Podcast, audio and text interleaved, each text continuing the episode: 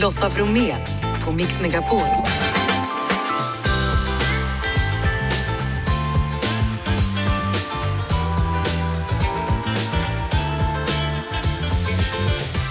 Hallå där och varmt välkommen in till oss ännu en solig dag i radiofabriken och i dagens torsdagsmix Clark Olofsson. I höst så är det 50 år sedan Norrmalmstorgsdramat och jag har träffat honom. Ni hör samtalet efter klockan 17. Lollapalooza-festivalen kör igång och vi får en direktrapport från musikfesten. Och så ska vi äta gammal mat, eller i alla fall mat tillag tillagad med hjälp av gamla recept. Ska bli en varm sommar hörni, kan det bli framgång då för damerna i fotbolls-VM? Lasse Granqvist spår om chanserna alldeles strax i detta program. Nu säger jag bara Jeff, Janne, nu kör vi! Lasse Granqvist, välkommen tillbaka till Mix Megapol. Härligt, tack så mycket. Jag tänkte vi ska snacka fotboll. Vi Mm. befinner oss ju just nu med liksom fullt drag, transferfönstret står öppet. Hur spännande är det från år till år? Det är lika spännande varje år egentligen och vi kommer än en gång förfasas över eh, stora övergångssummor, höga eh, övergångsslantar som ska växla mellan klubbarna. Det nya nu är ju att eh, Mellanöstern är med på ett annat sätt än tidigare. Det beror ju på att Saudiarabien har öppnat inte bara investeringsfonder för att så att säga köpa klubbar, företrädesvis Premier League-klubbar, utan också värva spelare. Och den första som de värvade då, det var ju av storstjärnor, Ronaldo. Vi pratade om det under VM. Cristiano Ronaldo var ju då aktuell och alla dementerade och då vet man att det här stämmer. Och det öppnade, precis som du säger, en transfervägg där många fler då flyttar. Och då är det egentligen två delar av det. När de är gamla och liksom Karim Benzema flyttar i närmare 40 då, eh, några års marginal. Men det intressanta är att de också börjar få över spelare som är i mer attraktiv ålder, det vill säga att de har fler aktiva karriärår kvar på absolut högsta nivån. Mm. Men kommer det bli något av det här? Eller är det liksom nyhetens behag som det var med Kina för några år sedan? Så det är omöjligt att svara på. Det beror ju på hur länge eh, de styrande tycker att de ska tvätta. För det är det det handlar om det här. Det handlar om sporttvätt. Det vill säga att man går in med pengar i eh, västliga demokratier och ser till att eh, bli mer accepterat. Ja, det är ju inte helt okomplicerat det här. Tvärtom. Framförallt så vill jag väl påstå att Sverige är väl en av de mest tydliga motståndarna till den här typen av sporttvätt och vi är tydligast med vår uppfattning. Det här kommer stärka den saudiska ligan såklart, fler spelare kommer hamna där. Klubblags-VM framöver om några år kommer vara oerhört spännande för de bästa spelarna kanske finns i saudiska ligan då och så ska de möta de etablerade klubbarna från Europa. Va? Men om vi bara tittar på en lön, Cristiano Ronaldo, två säsonger, 4,4 miljarder. Mm, Ja, mm. Det är, det är inte klokt. nej, och, och, och grejen är att det märks inte för de här som betalar pengarna, utan så länge staten och, regimen där står bakom det så, så finns det hur mycket pengar som helst. Det är ju förutsättningen faktiskt. Och det är ju inte bara Saudiarabien, det finns ju samma ekonomiska förutsättningar egentligen i Förenade Arabemiraten, ifrån Abu Dhabi, där ägs ju till exempel Manchester City. Och glöm inte bort Qatar, som ju investerade galna 2000 miljarder. Ja, Vi pratar om klokt. 2000 miljarder svenska kronor på sitt VM i fotboll. Då var arenan helt klädd i guld också. Frågan om det var riktigt guld, jag kollade aldrig. Kan ha varit. Skulle skrapat med det lite hem. Som en bonus. Ja. Det var en överraskning att ha stått och Ja, skrapade på arenan. Ja. Ja. En som i alla fall tackade nej till ett lukrativt bud, det är Messi. Det sägs att han tackade nej till 17,5 miljarder och komma och spela i den saudiska ligan. Nu har han sagt ja istället för att spela i David Beckhams klubb, Inter Miami i Florida. Ja, det spännande i Lionel Messi-fallet är ju att det är klart att han tackar nej till Saudiarabien där han ju har betalt för att vara turistambassadör. Ja, han kan inte ha två jobb på en gång menar du? Han tackar nej till det för att istället välja USA. Det tycker jag ändå är en poäng i sammanhanget faktiskt. Alltså apropå fotbollsspelare, Zlatan, nu har han börjat säga jag kanske kommer tillbaka och spelar om några veckor. Ja, jag tror att det är bekymmer för en sån som Zlatan Ibrahimovic när rubrikerna inte är där längre. Jag tänker han kanske kommer att spela i Saudiarabien.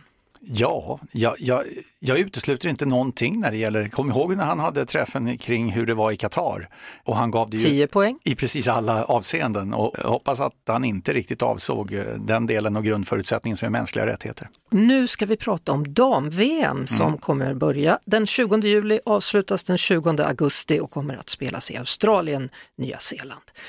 Ser du fram emot det? Ja, verkligen. Eh, jag hade förmånen att vara på plats och jobba med VM. Senast det var, det var i Frankrike 2019. Hanna Marklund och jag eh, kamperade ihop och följde turneringen. Och det var en häftig upplevelse. Och då började ju också damfotbollen bli mer etablerad och accepterad och eh, drog till sig den uppmärksamheten som den har fortsatt att utveckla. Sen är det så att det tar ju tid. Va? Jag tänker på öppningsmatchen i Sydney här i Australien med värdnationen. De skulle ju spela på en ganska här, alldaglig arena, märkte ju vilket enormt intresse det är och nu flyttar de till en som tar 80 eller om det till och med 90 000 slutsålt. Så att det blir liksom ett intresse, intresse föder intresse på något sätt och nu börjar det också etableras på yttersta kvalitetsnivå när det gäller damfotboll och mm. det är mm. härligt. Och 32 lag den här gången då, det är första ja, gången? det är första gången och det är ganska symptomatiskt för hur utvecklingen går. Man ska komma ihåg när vi pratar om utveckling av damfotboll, eh, man jämför gärna på här sidan fast alla säger att det ska man inte göra, så gör man det ändå. Och herrarna är såklart före. Herrarna spelar fotboll längre och vi pratade om övergångssummor bara för en kort stund sedan så kan man ju konstatera att herrarna är rätt långt före. Men när herrarna nu till 2026 i Kanada, USA och Mexiko växlar upp till 48 lag så dansar damerna in för första gången med 32. Och det är ju egentligen bara att göra världsmästerskapet i fotboll på damsidan än mer etablerat skulle jag säga. Eh, om vi tittar på Sveriges grupp då, första matchen, det blir premiär mot Sydafrika den 23 juli och därefter spelar man också mot Italien och Argentina. Ser mm. bra ut eller? Jo, men det gör det. Alltså, nästan alla runt svenska laget tyckte ju att det här var en lottning som till och med Peter Gerhardsson sa ju att det, det, finns goda förutsättningar att gå vidare. Och om Peter Gerhardsson säger det skulle jag säga att Sverige är dunderfavoriter. ja. men, och, och, som alltid när det gäller världsmästerskap, du vet det är de här tre gruppspelsmatcherna och vi kommer alltid komma in i att det gäller att få ett resultat med sig från match ett som du sen kan surfa vidare på genom gruppspel. Det kommer inte vara någon skillnad den här gången. Bred trupp är uttagen, det är långt borta, det gäller att akklimatisera sig på alla sätt. Sverige spelar gruppspelsmatcherna i Nya Zeeland. VM VM 94 glömmer vi ju aldrig. Det var en varm sommar, det är snart 30 år sedan. Mm. Gud vad tiden går. Ja, visst gör den. Men det var en varm sommar. Det var en varm sommar och det sägs att det ska bli en varm sommar i år också. Mm. Då tänker jag, vilka förutsättningar för ett VM med svenskt deltagande, ja. eller? Ja, och dessutom, det här är ju matcher i Australien och Nya Zeeland. De kommer ju gå på morgonen svensk tid, alltså det här är ju till frukosten. Det är vid 7-8 tiden på morgonen och så kan man ju vakna till då till, till andra halvlek eller förlängningen om man vill njuta av sommarmorgonen lite extra. Så det, det, finns alla förutsättningar faktiskt att följa det här på ett bra sätt. Så vad är realistiskt nu då? Vi brukar ju skilja oss åt där. Du hade rätt senast så det är väl bättre att du tippar. Ja just det, men jag, det, det är när jag tippar deppigt. och den här gången tippar du glatt? Nej men jag tycker att, alltså, det jag såg av Sverige i EM senast, det var förra sommaren, de hankade sig mer eller mindre vidare skulle jag säga. Det var liksom inte, och de fick rejält med däng i semifinalen i Sheffield mot England. Jag tror att det finns en revanschlusta som är där. Jag kommer följa matcherna med en ganska hög förhoppning. Men det vågar jag nästan inte säga för det blir aldrig så tycker jag. Ska, ska jag säga det då? Ja, gör det, ja, det kommer gå jättebra för Sverige. Jag tror de kommer kämpa för guld. Visst är jag trovärdig? Jag tror att du har rätt. Lasse Granqvist, vi möts framför eh, apparaterna och tittar på hur det går. Vi håller kontakten. Och ha en fin sommar så hörs vi igen i detsamma, höst. Detsamma. Tack så mycket. Hej, Lasse hej. Granqvist. Ni vet när det bara händer när man sitter i ett samtal med någon och det blir ett sånt där möte. Oavsett om det handlar om glada saker. Att få skriva och lära känna en människa i text och ord. Jag är väldigt förälskad. Eller att man möts i det svåra. Och så bara, förlåt, jag älskar dig så mycket. Du är det bästa jag har. Jag, jag visste inte bättre. Ja, det var det största ögonblicket i mitt liv. Eller när man får reda på något om det man pratar med som man inte visste. Eh, jag minns din pappa faktiskt. Gör du? Ja, det gör När videon kom och gjorde sitt inträde. Ja, jo då. Kommer du ihåg när han står väl? Ja, jag minns, jag minns hans röst. Jag minns, eh, ja. jag upplevde honom som väldigt lång. Han var lång? Han var lång. Han var en bra man. Mm, mycket. Jag heter Lotta Bromé och jag älskar att försöka förstå, prata med eller lyssna på andra människor. Gud vad du var spot on när du frågade. Det var som att det bara kom en pil rakt in i hjärtat. Och det är en lyx som jag gärna delar med mig av. Det är inte deras skyldighet att förstå samhället, det är samhällets skyldighet att förstå dem. Du är varmt välkommen till podden Vem snackar med Lotta? En podd med lite mer och extra allt. Du hittar podden Vem snackar med Lotta på podplay.se eller i appen Podplay. Hörrni, statistik från Trafikverket visar att vi kör långsammare på de svenska vägarna. Måldirektör Maria Kraft från Trafikverket, välkommen till Mix Megapol. Tack ska du ha. Hur mycket har medelhastigheten sänkts? Alltså, det låter jätteblygsamt eh, för gemene man, 0,8 kilometer i timmen, men det spelar en jäkla roll. Så att, eh, ja, det betyder mm. att hur många liv har vi sparat genom att sänka hastigheten? Eh, Ja, om man skulle sluta så blir det ro- alltså, På tre års tid så rör det sig lågt räknat om 25 liv. Ja, och det är väl alldeles utmärkt det då, även om det låter lite som du säger. Alltså, ja, hastighetsmässigt så låter det lite men det har, att flytta medelhastigheten en kilometer i timmen det är mycket och, eh, och det är många som måste göra en förflyttning för att det liksom ska slå igenom på det här sättet. Vilka är det som har sänkt hastigheten då, vet man det? Nej, och vi, när vi har sett det här nu under ett antal år där det smyger ner och, och, eh, och vi har ju såklart teorier om vad det beror på men vi kan inte säga säkert och, och så det där behöver vi titta närmare på. Men, men en annan tanke är ju såklart att bensinpriset gör att man dämpar sitt Mm. sätt att köra. Eh, konjunkturen vet vi att när det är lågkonjunktur eller början till sånt så, så, så syns det också i trafiken. Men vi har ju också fått in nya system i bilarna med sån här adaptiv farthållare som följer bilen framför och kanske även sådana saker slår in. Men som du hör så är det spekulationer och Ja. vi behöver veta bättre. Mm. Men ändå, alltså jag som tillhör de som alltid i stort sett håller hastigheten och folk tycker att jag är otroligt irriterande och då kör jag i 70 på en 70-väg, jag kör i 90 på en 90-väg. Det finns ju alltid de som ska stressa om. Mm. Vad har du för råd till oss som försöker? Fortsätt. Nej men vi är ett flockbeteende. Eh, det är inte så att jag går ut varje dag och tänker idag ska jag köra för fort utan oftast följer vi varann. Så att, att bara dämpa hastigheten något, det kommer ingen av oss märka någon skillnad men på, ö, sammantaget så spelar det en jätteroll för att rädda liv. Så att Mm. det, det, utmaningen är att det inte känns som det spelar någon roll men det gör det om det, om det sker en krock.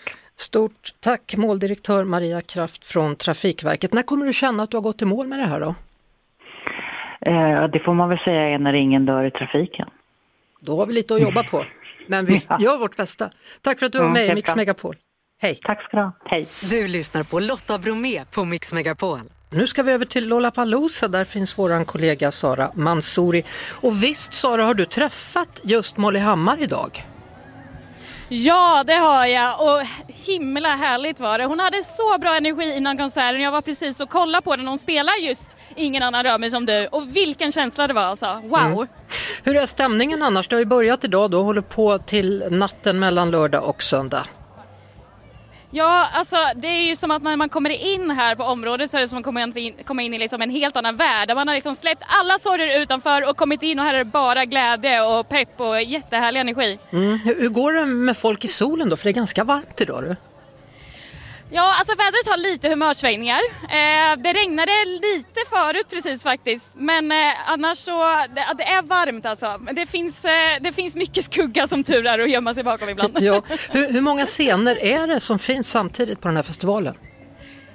Tre stycken stora scener är det. Ja. Så att det är eh, ett stort område. Så man behöver välja vad man vill se. Ja, det behöver man. Men det är väldigt bra upplagt schema så man kan eh, hoppa emellan lite också. Det är inte jättelångt liksom emellan så. Eh, Vilka artister ser man fram emot att se idag? Ja, det har ju, vi har ju bland annat Miss Li att se fram emot. Många ser fram emot Kygo. Eh, Mando Diao är det många som snackar om också såklart. Fatboy Slim. Eh, Travis Scott är också väldigt stort. Mm. Vilken längtar du mest efter? Alltså jag längtar ju jättemycket efter alltihop. Hur ska jag välja? Jag kommer vara tvungen att springa runt jättemycket här. Det är så det kommer bli och vi kan ju följa dig då på Mix Megapols Instagramkonto bland annat. Då. Där lägger du in inlägg och så hörs vi imorgon igen då Sara.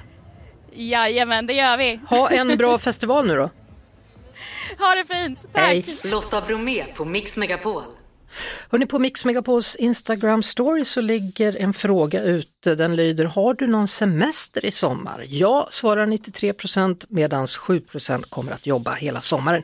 Och då kan man ju undra, vad ska ni göra på ert sommarlov då eller på er semester? Jag åker till Italien i tre veckor, skriver Mr M Fun, medan Miss Gelhar skriver, vara i min stuga på Gotland and I love it.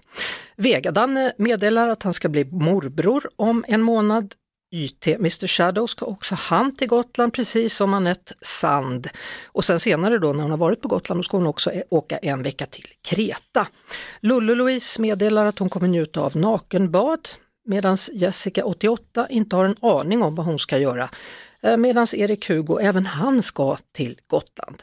Han åker över till sin sambo Sofia och där ska de då tillbringa sin sommar. Sune 5782 slutligen kommer att flytta och sen en till då, S-flykt, jag ska på husvagnssemester.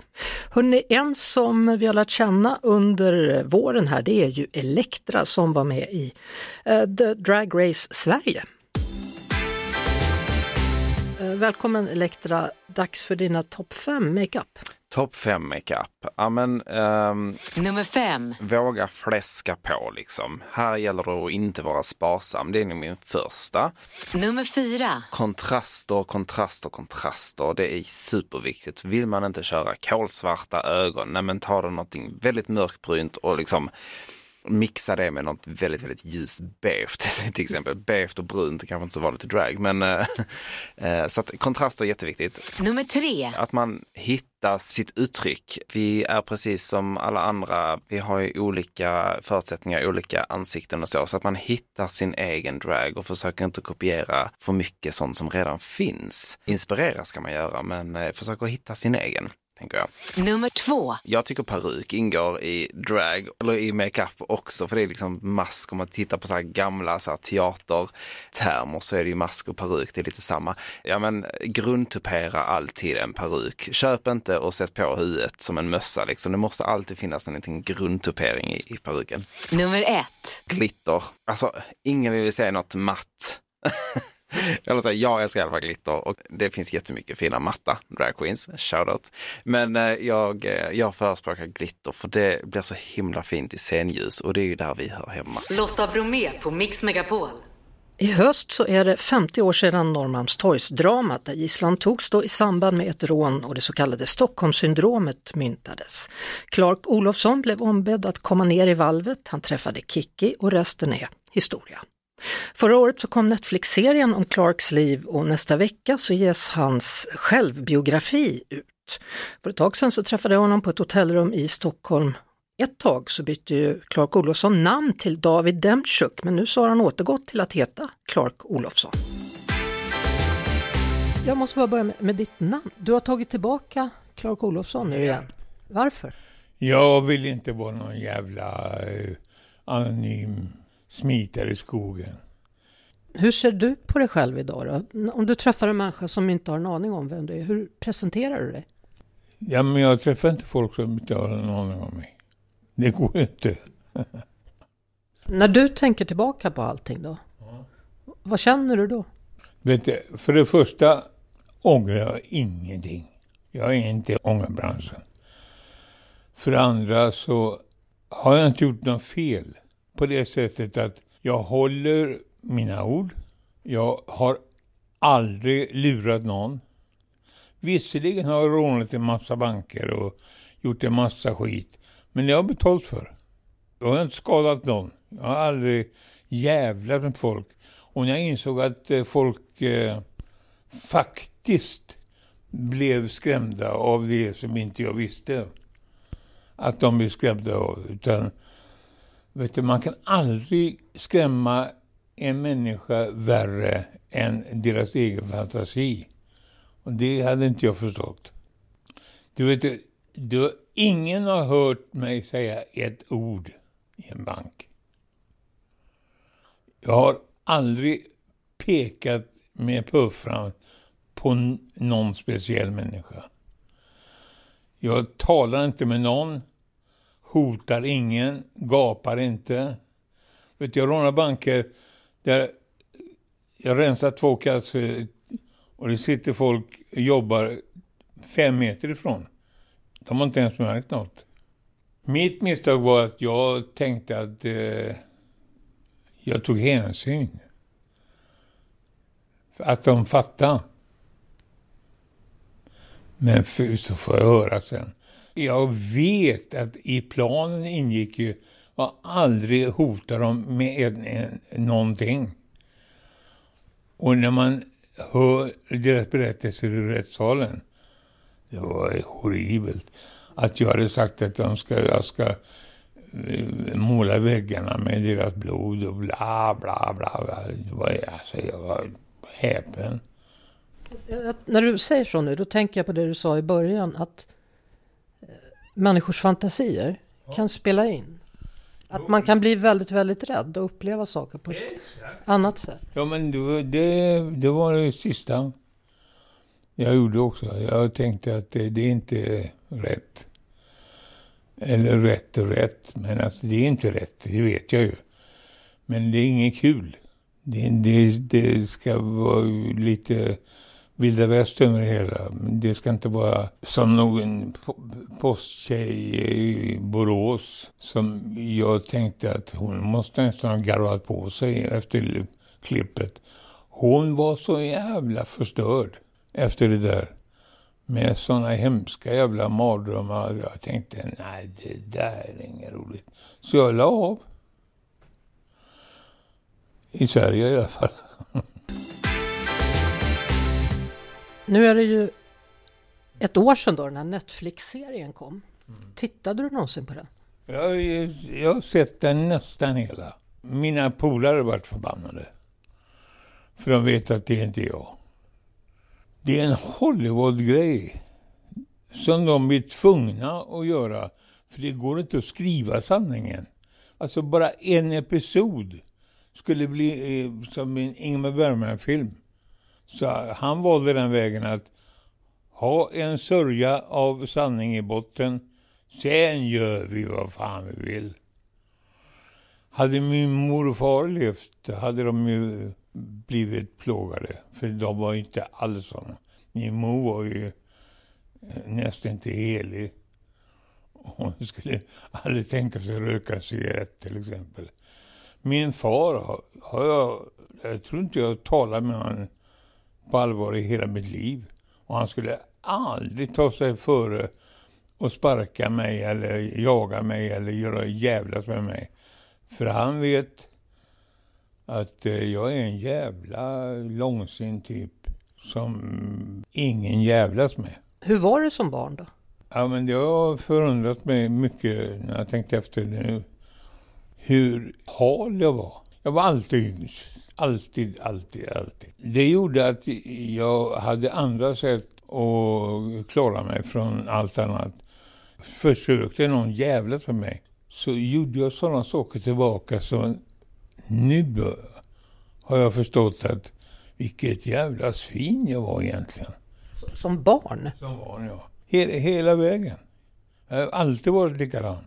Du, när jag var 8-9 år då tjänade jag lika mycket pengar som min mamma och min pappa på affärer gjorde. Organiserade mina skolkamrater och plocka bly. Jag köpte cykelramar och byggde om dem. Och jag gjorde hur många saker som helst och tjänade skitmycket stålar. Och hade aldrig en tanke på det. Förrän min farsa tog alltihopa och stack iväg. Och det var sista gången jag såg honom i, i princip. Men när du tänker tillbaka då, tänker du att du hade en lycklig barndom? Ja, för fan. För att ingen sa till mig vad jag skulle göra och inte göra. Hur har du varit som pappa då? Som pappa har jag varit absolut fantastiskt skitbra. Därför att jag har låtit deras mödrar sköta om hela uppfostran. För att jag vill inte att någon av mina söner, jag har fyra stycken, skulle överhuvudtaget tänka sig att gå i mina fotspår. Eller jämföra sig med mig. Fast det är intressant att du, du, säger att du inte ångrar någonting. Och samtidigt så säger du att du har varit mån om att dina barn inte ska gå i dina fotspår. Ja, men det är ju en följd utav eh, vad man gör. Jag skaffade mig en fru och jag såg att hon är bra. Och jag lät henne styra över barnen. Hur är det idag då? Umgås du med dina barn? Ja, visst, kanon. Nu är det bara trevligt. Jag tänkte på det där med, med eh, att du har funnits i människors medvetande en ganska lång tid. Mm. Ser du själv fortfarande dig som kriminell? Jag har aldrig sett mig som kriminell. Och vet du, den som sa vi kriminella på, på kåken och inkluderar mig, den klappar jag till. Men visst fan alltså, jag har brutit lagen. På det sättet eh, kan man kalla det kriminellt. En annan sak då är ju Norrmalmstorgsdramat och det så kallade Stockholmssyndromet som dyker upp då och då i olika amerikanska tv-serier till exempel. Och inte bara där. Överallt. Vad tänker du så här efteråt kring allt det? Att det var en jävla lyckträff. Jag hade för det första kul. För det andra fick jag en jävla massa pengar. För det tredje fick jag trevliga bekanta. Som jag snackade med i förrgår. Kiki.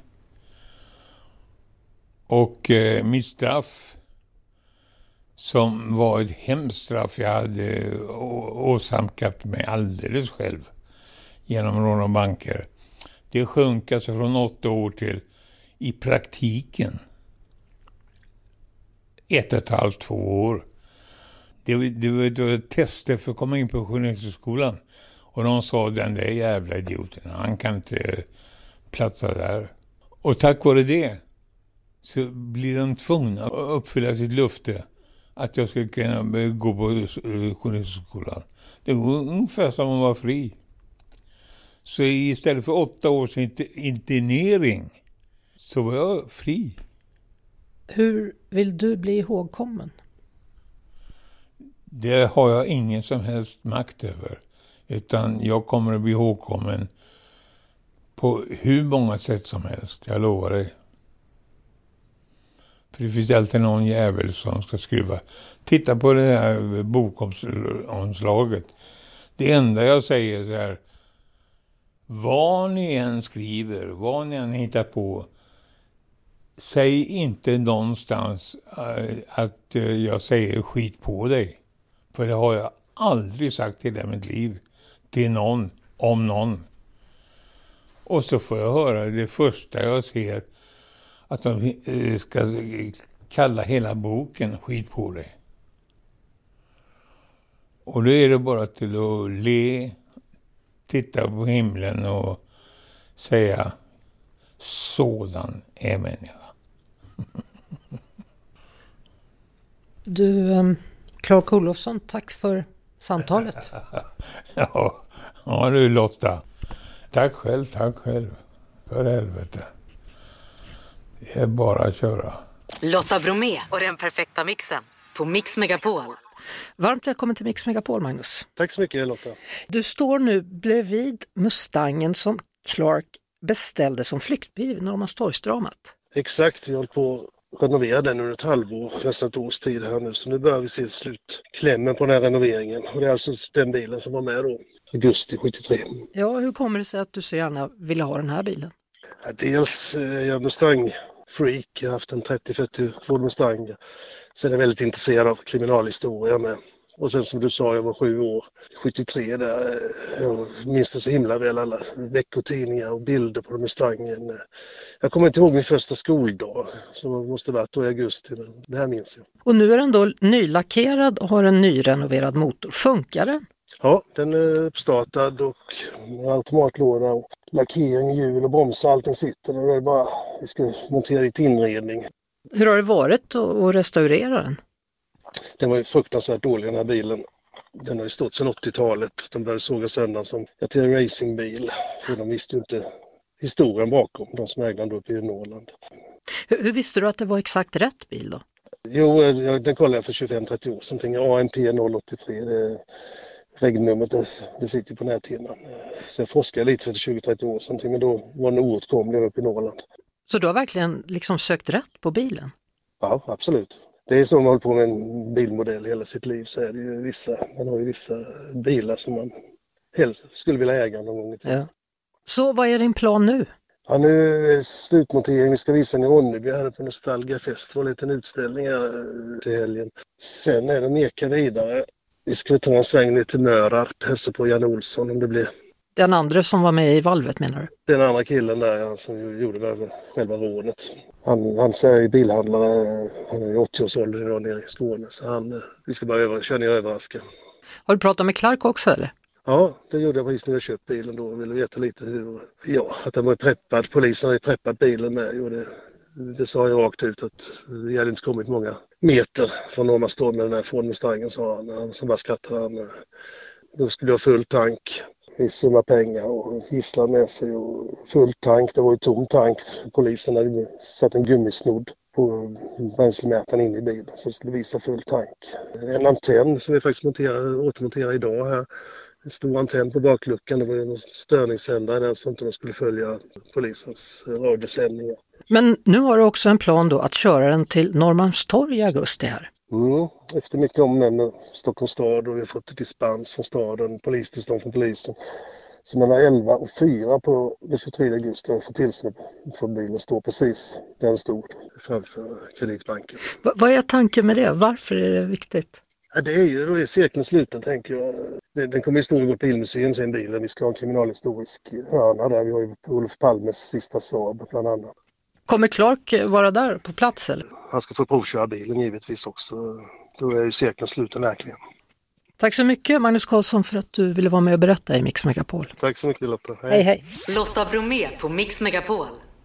Sedan 2019 har han hållit igång projektet Table of Gods där han ska sammanställa en kokbok som är baserad på recept då från 4000 år gamla lertavlor. Välkommen hit Arim Havsho. Tack så jättemycket. Var har du hittat de här lertavlorna och recepten? Lertavlorna kommer ju från forna Mesopotamien, det som även kallas för civilisationens vagga och skrevs ungefär 4000 år sedan. Hur är de skrivna och på vilket språk och vilka ja, ingredienser handlar det om? De, de var skrivna eh, med kilskrift på akadiska, ett idag utdött språk. Och eh, totalt var det då 35 recept. Eh, de flesta grytor och de flesta av de här recepten var också ämnade åt gudarna, så att det var inte det liksom vanliga människor åt. Utan det var gudarna själva som fick fästa på det här. Ja, precis. och sen eh, gick det ner i hierarkin då, så präster och prästinnor fick vara nummer två och så vidare. Har, har du känt på de här ledtavlorna eller är det så att du har läst dem från Nej, bilder? De, de befinner sig i USA på Yales universitet. Men jag har planer på att åka dit för att eh, se dem med mina egna ögon också. Ja, varför vill du återskapa de här recepten? Syftet med, eh, med boken eh, Table of Gods är att ta läsaren tillbaka till civilisationens vagga. Och eh, det är en civilisation som länge har varit utdöd. Och om vi jämför med till exempel Egypten eller liksom forna Rom eller Grekland så finns det inte så mycket kvar av, av forna Mesopotamien. Och det vill jag ändra på. Ja, var ligger Mesopotamien nu? Vad är det som är där nu? Det, det ligger i det som är dagens Irak, men även delar av Syrien, Turkiet och Iran. Mm. Eh, du har ju med dig någonting som vi ska provsmaka efter låten då. Det handlar om en honungsöl och dessutom avslöjar du att du har med dig daddelöl dessutom. Ja, precis. Ja, precis. det blir spännande. Vi häller väl upp så länge då, Arim Havshu, som alltså ska ja, servera lite öl då för gudarna men även för oss idag. Och nu har du hällt upp här en, en honungsöl då och det här är till ölgudinnan, vad hette hon? Ninkasi. Ja. Inte ölguden tror man, men Nej, då är det ölgudinnan. Det, det, var en ölgudinna för att det var främst kvinnor som bryggde öl i Mesopotamien på den tiden. Och vem drack det då? Männen eller kvinnorna? Båda. Båda. Alla. och den här är ju väldigt, väldigt speciell. Jag tycker den är fräsch. Mm. Eh, och så smakar det lite, eller luktar i alla fall, fänkål hörru. Ja, precis, det har vi haft i. Ja, hur, hur länge brygger ni det här då, innan det är klart? Det tar ungefär två veckor att brygga och vi försöker brygga på ett sätt som är så likt så som de gjorde då, utan att det ska mögla liksom. Ja. Eh, så att vi har använt en surjäst okay. eh, för att man ska få den här syrliga smaken som förmodligen eh, uppkom när de bryggde öl för 4000 år sedan. Men där har du faktiskt rätt i, det, det smakar som suröl för det kan man ju köpa på Systembolaget ja, också. precis. Om, och sen så har vi den andra då som du tog med dig som är en daddelöl. Ja, det är en ja. daddelöl. Ja. Hur är det med den då? Den är smaksatt med koriander ska tilläggas. Mm, jag gillar ju koriander, gör man inte det kanske man inte tycker om den. Men Nej, jag tycker exakt. Den är bra. Ja, men du, vad ska man ha för mat till det här då? Ja, alltså det mesopotamiska köket är ju väldigt stort och eh, den, den forskningen jag har gjort sträcker sig liksom 3000 år. Så därför går boken i kronologisk ordning från stad till stad. Och mm. vi börjar 3500 f.Kr. i staden Erido och sen går vi till staden Uruk där skriften uppkom och så vidare och så vidare liksom. Ja. Tills vi är på 500-talet före Kristus. Och då vill jag visa läsaren hur maten utvecklas, ingredienser som kommer från till exempel Indusdalen eller norrifrån påverkar det mesopotamiska köket, kokkon, alltså koktekniken liksom. Mm. Eh, så att Table of Gods är mer än bara en kokbok, det är lite som en tidsmaskin. Mm. Som, som är inställd på civilisationens vagga. Om, om du skulle bjuda på någonting till den här ölen då, har du något favoritrecept? Blir det ett bröd eller blir det en soppa? Eller vad hade De man? drack ju öl till i princip allt. Ja. Ehm, ett väldigt coolt recept som vi har med är ju även världens äldsta korv. Världens äldsta korv. Ja, Jaha. så det är, liksom, det är fyllda, det är tarmar som är fyllda med eh, kött och eh, krossat vete som är mer känt som bulgur i, i, idag. Och eh, kokt, inte grillad som, som våra moderna korvar är. Vet du vad, det påminner mig om Svea rikes vagga, alltså Västergötland. Ja. Grynkorven, Ah, okej. ja, det är Ja. precis samma sak faktiskt. Okej, häftigt. Ja, så då har vi två prova. vaggor, då har vi Mesopotamiens och så har vi Svea rikes Ja. det vill säga slätta. Du, stort tack för att du kom hit, det var kul att få smaka på de här ölen då. Ja, kul. Tack Ja. för att jag fick komma. Och lycka till med boken då, Arim Havshu. Tack så Och jättemycket. hälsa systern. Lotta Bromé och den perfekta mixen på Mix Megapol. Vi kör topp fem golfklubbor. Ah, spännande. Nummer fem. Fem, det är uh, 54 graden, ungefär 50 meter från flaggan. Nummer fyra. Eh, nummer fyra är uh, järnåttan, Nummer tre. uh, järnfemman. Nummer två. Nummer två, Rescue 16 grader. Nummer ett. Nummer ett, min driver. Hur långt slår du med driven då? Faktiskt väldigt långt i år. Jag spöar mina gubbar nere på Slätta här nu. De är betydligt yngre än jag, men jag slår långt idag. Alltså, det har tagit år och mycket, mycket kostnader för att nå dit jag är idag. Hörni, det är dags för oss att säga tack och hej för idag. Det är Janne, det är Jeanette och det är jag som heter Lotta. Vår producent, precis som vanligt, Jeff Neumann och vi är alla tillbaka imorgon. Då blir det faktiskt sommarhäng. Det är sista programmet innan vi tar semester. Så vi hörs imorgon igen. Tills dess, ha det bra. Erik Myrlund kommer alldeles strax. Ett poddtips från Podplay. I fallen jag aldrig glömmer djupdyker Hasse Aro i arbetet bakom några av Sveriges mest uppseendeväckande brottsutredningar. Går vi in med hemlig telefonavlyssning och, och då upplever vi att vi får en total förändring av hans beteende. Vad är det som händer nu? Vem är det som läcker? Och så säger han att jag är kriminell, jag har varit kriminell i hela mitt liv men att mörda ett barn, där går min gräns. Nya säsongen av Fallen jag aldrig glömmer på Podplay.